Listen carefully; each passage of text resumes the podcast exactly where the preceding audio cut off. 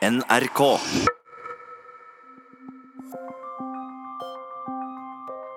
Det er vitsetid i krig og fred. Har du hørt den om norsken og svensken og dansken? Ja Men har du hørt den om engelskmannen, skotten, waliseren og nordiren som skulle melde seg ut av EU? Tja. Brexit begynner vel på mange måter å ligne en, en vits, det også. Det er aldri langt fra god komedie til eh, real tragedie, iallfall. Nei, så det er kanskje på tide med litt eh, familieterapi for hele den britiske storfamilien. Order! Order! Krig og fred med Tove Bjørgaas og Tore Moland.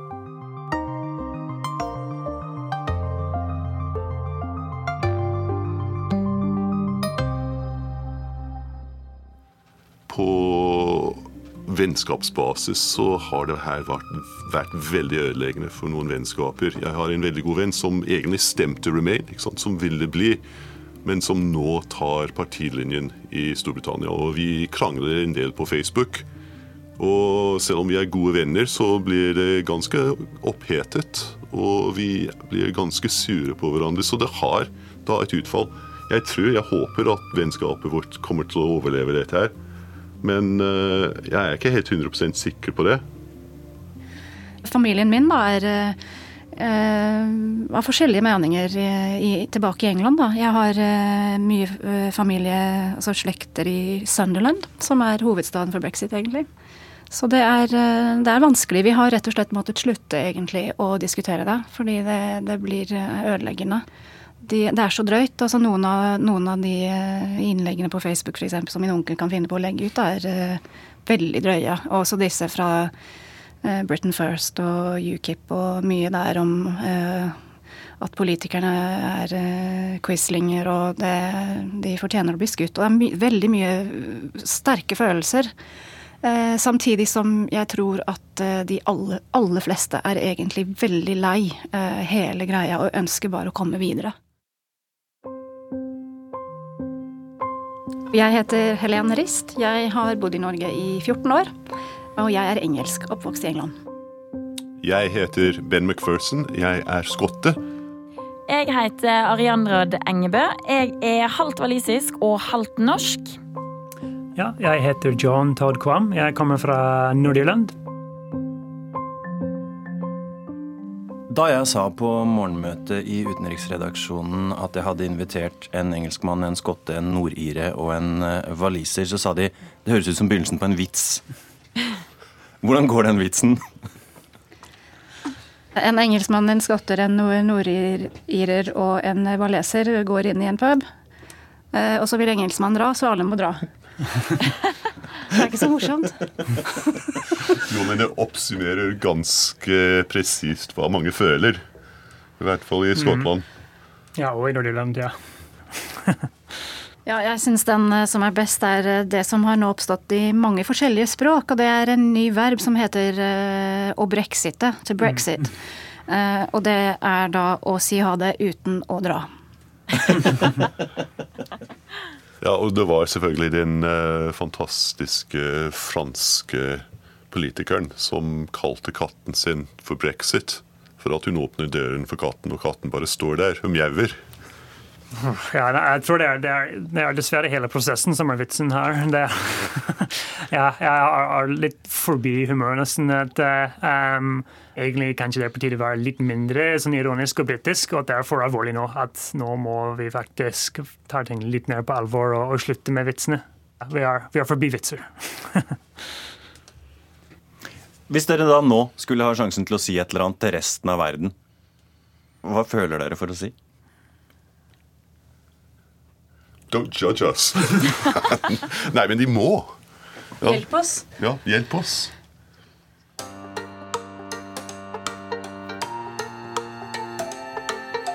The Article 50 process is now underway, and in accordance with the wishes of the British people, the United Kingdom is leaving the European Union. 29. mars i 2017 leverte Theresa May og regjeringen hennes det offisielle brevet som satte i sving EU-traktatens artikkel 50. Det er paragrafen som gir et medlemsland rett til å melde seg ut av unionen. This is an historic moment from which there can be no turning back. Britain is leaving the European Union. Planen da var at Storbritannia skulle forlate Den europeiske union to år etterpå. Fredag 29. mars i år.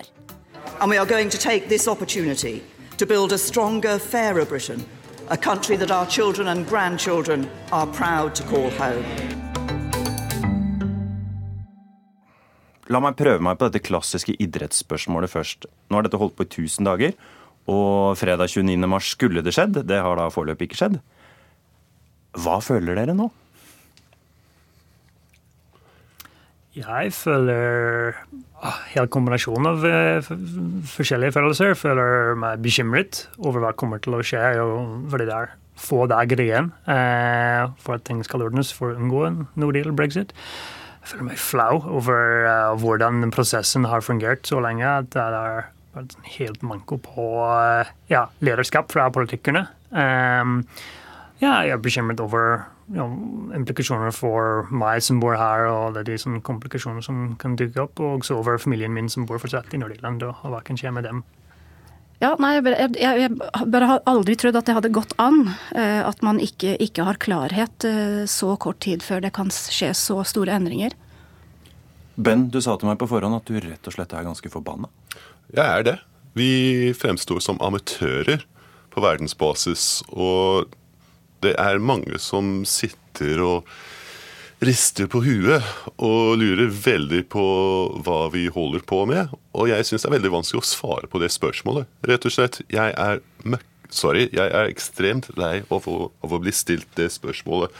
Jeg er ekstremt flau, som John sier, for alt som skjer. For vi har ikke greid å fokusere ned til to planer engang. Det som burde skjedd rett i utgangspunktet, hadde vært at det, stod, at det lå to planer på bordet.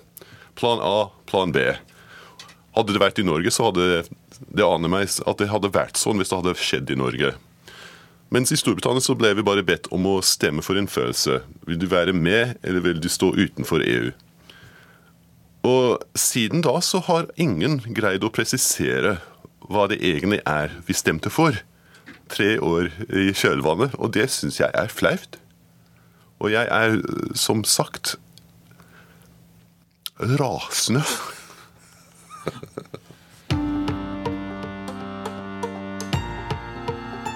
Brexit means Brexit, and we're going to make a success of it.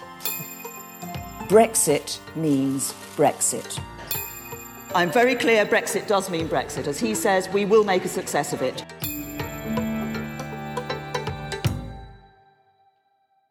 Theresa May, hvordan har hun håndtert dette?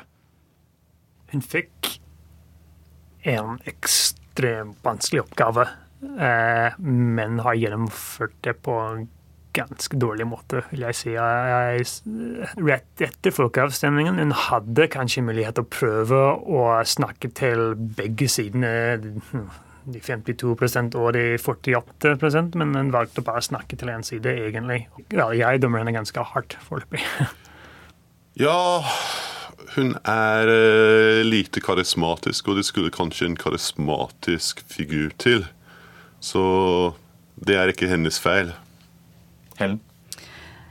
Hun er kanskje som en streng tante som du må bo hos når de voksne er på ferie. Eh, kanskje en sommer, eller eh, som kommer tilbake med samme middag gang etter gang, og du skal spise grønnsakene. Eh, det, uansett hvordan det blir servert, så er det samme.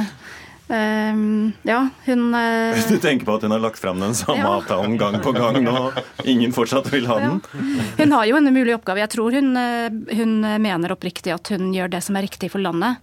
Det kan hende at det er det som må til. En sånn streng uh, headmistress-figur uh, som må, må, bare kjøre igjennom. Arian?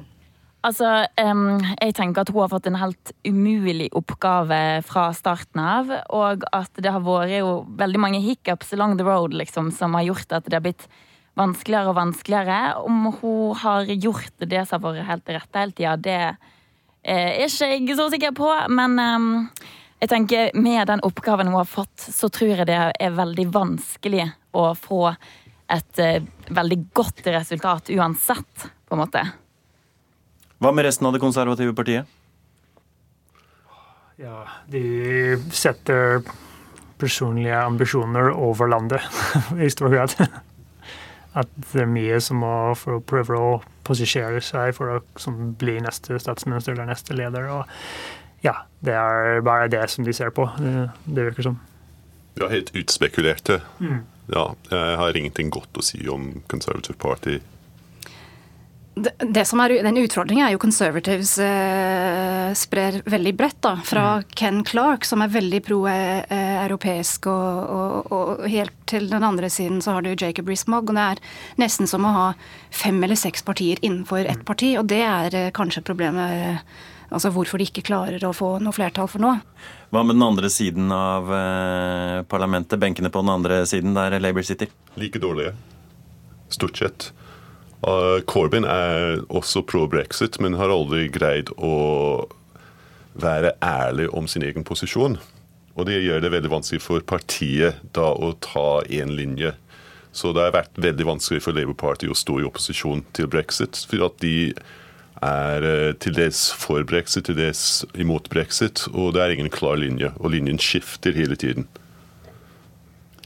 Eh, Corbyn har vært veldig fokusert på makt på landsbasis og prøver å, å, å finne en måte eh, å snakke så lite som mulig om brexit og, være så lite klar som mulig for å prøve å sånn, ri to hester samtidig med tanke på å prøve å vinne det neste landsvalget. Så det er det han sikter på mest, og brexit er for han en sånn irritasjon, nesten. Ja.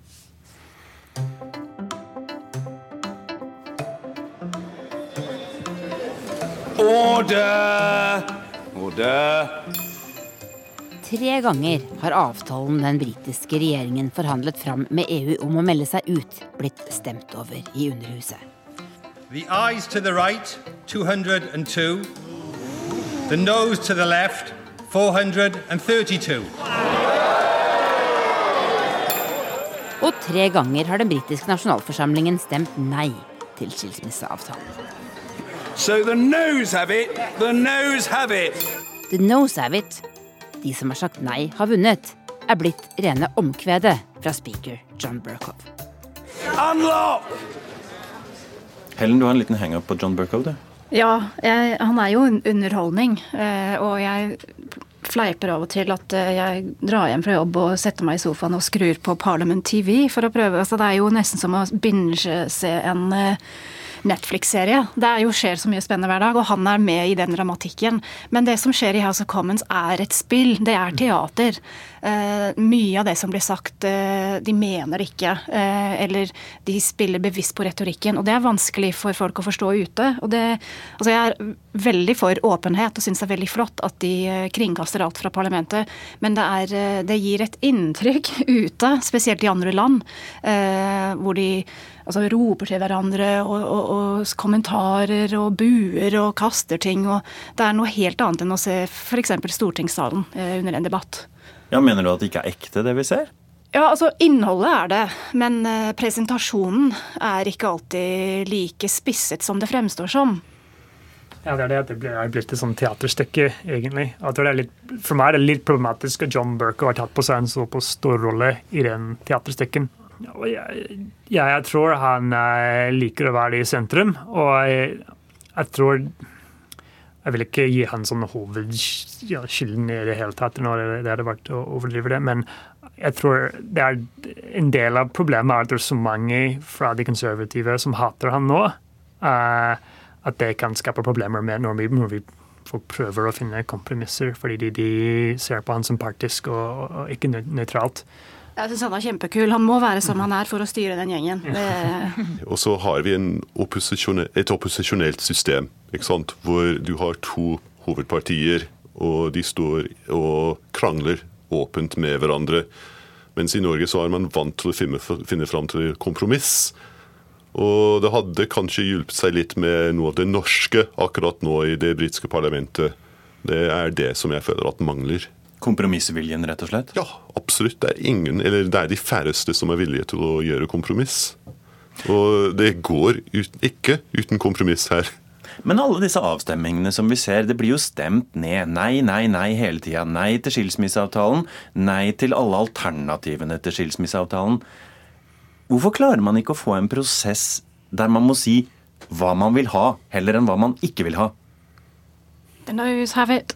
For vi er ikke vant til den typen argumentasjon, tror jeg, politisk sett. Dere er veldig vant til det. ikke sant? Og sitter du på et møte i Norge, så er det høyst ukomfortabelt hvis ikke folk kommer til enighet. Og ingen vil forlate rommet inntil hele rommet er enige. Vi gjør det ikke sånn i det hele tatt. Vi liker tvert imot å ta stilling og holde på den stillingen. Og det er veldig skadende, rett og slett, når du er i en sånn prosess. Ja, er det en slags politisk skyttergravskrig? En slags utmattelseskamp vi er vitne til her? Ja, og publikum er helt utmattet nå. tror jeg. I am sick of Brexit. First thing in the morning, Brexit. First in the afternoon, Brexit. In the evening, go to bed, switch on the news, Brexit. I'm sick of Brexit and I'm sick of Theresa May because she should just go away.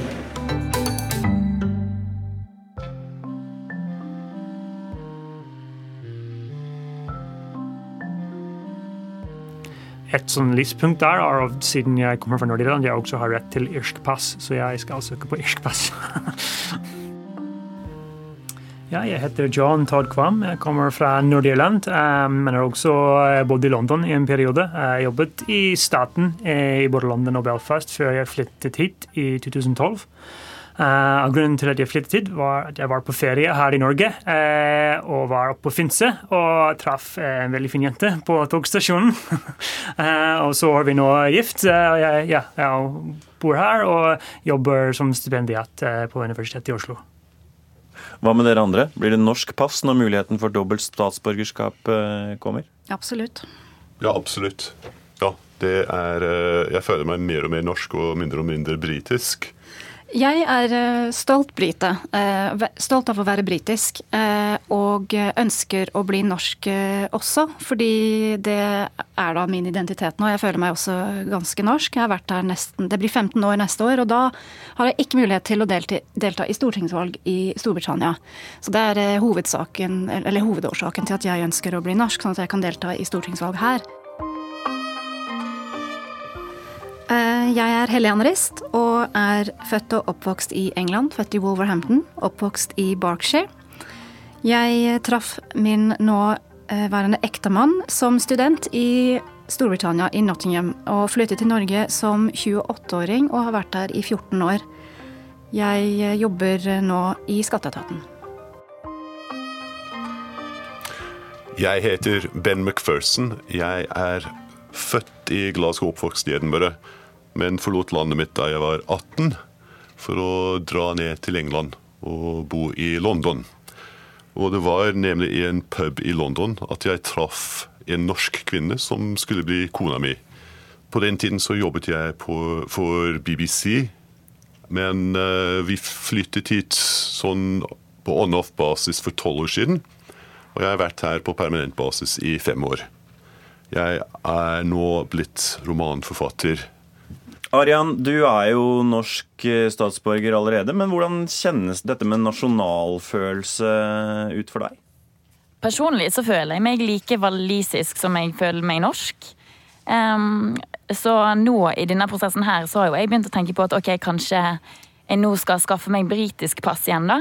Sånn at jeg har de samme mulighetene hvis jeg nå har lyst til å ja, meg, altså flytte tilbake til UK, få meg jobb der. Um, så jeg har liksom eh, Når dere sier at dere kanskje skal skaffe noe norsk pass, så tenker jeg ok, jeg må iallfall passe på at, at det kan være um, britisk nok, da. Eh, Mitt navn er Arian Rød Engebø. Jeg eh, er halvt walisisk, halvt norsk. Har bodd hele livet i Norge, uh, bortsett fra tre år da jeg studerte i Cardiff. Em, Jobber akkurat nå som programleder i NRK P3.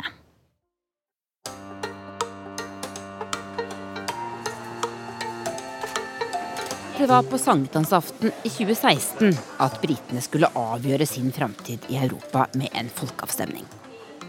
48,1% ville bli værende i EU. 51,9 ville forlate unionen. This means that the UK has voted to leave the European Union. Men landet var delt. skikkelig delt. De yngre ville bli i EU, mens de eldre ville ut. Let June the 23rd go down in our history as our Independence Day. England og Wales ville ut av EU. Skottland og Nord-Irland ville bli. Det som frustrerer meg mest i denne situasjonen, her er jo bare det at vi ikke veit utfallet enda, og at det har vært sånn lenge. Um, men um, Du vil bare ha et svar, du? Ja. Men så, sånn, så, når jeg prater med mamma om dette, her, for eksempel, så har jo hun Hun er ikke stressa i det hele tatt. Hun uh, har så vidt vært innom sidene til UD, liksom. Hun tar dette her med knusende ro. Um, Bare regner med at det kommer til å ordne seg? Ja, rett og slett. Så uh, det er veldig ja, interessant at det er så mange um, at Sånn som så Helen og sånn som Ben, at dere på en måte tenker på det på en veldig annen måte enn hva hun gjør det. i alle fall. Ja, Ben, du skriver altså romaner, psykologiske thrillere, og da må jeg jo spørre deg, hvor slutter denne historien? Du Jeg skriver ikke farser. Nei, men uh, hvordan det her kommer til å utspille seg, er ikke godt å si, syns jeg. Uh, hvis jeg skulle kommet med et sånt komplott, så tror jeg ikke jeg hadde syntes det var trolig nok. Så jeg hadde skrevet om det hele. Jeg tror at sjansen fortsatt er veldig stor for at vi rykker ut uten avtale. Det er min største frykt. Det er et problem her hvor veldig mange i Storbritannia uh, sliter litt med forskjellige problemer, og det er ting som de er misfornøyd med. Og så har brexit blitt presentert som løsningen. At hvis vi bare melder oss ut av EU, så kommer alt til å bli så mye bedre. Så jeg tror at mye av problemet er egentlig at man håper, eller, har, eller drømmer egentlig, om at uh, brexit kommer til å løse veldig mye annet som uh, bør egentlig fikses i samfunnet. som ulikhet og utdanning og, og, og jobbmuligheter. Uh, det, er, det, er veldig, veldig mye som blir uh, pakket inn med brexit-sløyfe på, som ikke egentlig har noe med EU-medlemskap å gjøre. Min frustrasjon er mye mer rettet mot de som stemte på nasjonalfølelse, eller på de som prøvde å utnytte dem som har det kjipt og som sliter og som da var mottakelige for eh, de budskapene. Eh, og det er der store deler av min frustrasjon ligger. La meg gripe litt fatt i dette med nasjonalfølelse, som dere er inne på på litt forskjellig vis. Hva er Storbritannia egentlig? Jeg vet ikke lenger. Jeg trodde jeg visste. Jeg trodde vi var i et flerkulturelt samfunn hvor man kunne føle en tilhørighet til Storbritannia eller til Skottland eller til Wales. Men jeg følte at nasjonaltilhørigheten handlet om å akseptere store forskjell på folk. Og nå virker det som om det er blitt mye smalere i den forstand. Ja, jeg tror mange tenkte at det var mulig å ha flere identiteter. Man kunne føle seg nordirsk, irsk, eh, skotsk, britisk, europeisk. At man kunne ha forskjellige identiteter, men at det har vært en sånn motreaksjon til sånn globalisme, hvis man vil, eh, som man ser i andre land. Og, eh, og, at det har vært, som du ser, en sånn begrensning av identitet ned til noe kanskje mindre og, og mindre aksepterende. Um, og at det er politikere som har brukt det for å oppnå sine ambisjoner. Ja, og Vi ser det i mange land i Europa for tiden, og det, det er skummelt. Altså, Storbritannia er et eh, land med en fantastisk eh, kreativitet. Eh, det er ikke noe tvil om. Og en historie som litt bagasje, som vi bærer med oss. Både på forretningssiden og kultur og innovasjon teknologi, utdanning. Det er så mange områder hvor Storbritannia har vært og fortsatt er verdensledende. Det kan være lett å miste mm. litt uh, syn på det, hvis ikke troen på det, når, når brexit blir så altdominerende. Så uh, jeg mener at vi må komme gjennom det med minst mulig skade. Jeg vet ikke hva løsningen er der. Uh, for å kunne vise fram alle de gode sidene igjen. Fordi de er der. Og vi må ikke la dem bli gravet ned og, og skjult. Men du er fortsatt stolt av å være britisk, Helen? Jeg er det. Og du høres ut som du kanskje skammer deg litt over å være, være britisk, Ben? Jeg skammer meg over de tre siste åra, kan du si. Jeg er uh, stolt Hva skal jeg si Stolt skotte, stolt londoner, stolt europeer. Uh, forhåpentligvis stolt norsk statsborger på sikt. Og jeg håper at det skal gå an å ha disse forskjellige identitetene og fortsette å være britisk.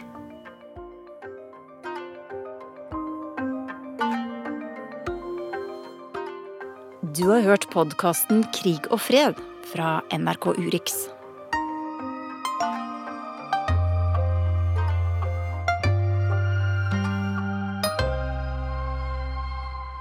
And of this I am absolutely sure. You, the public, have had enough.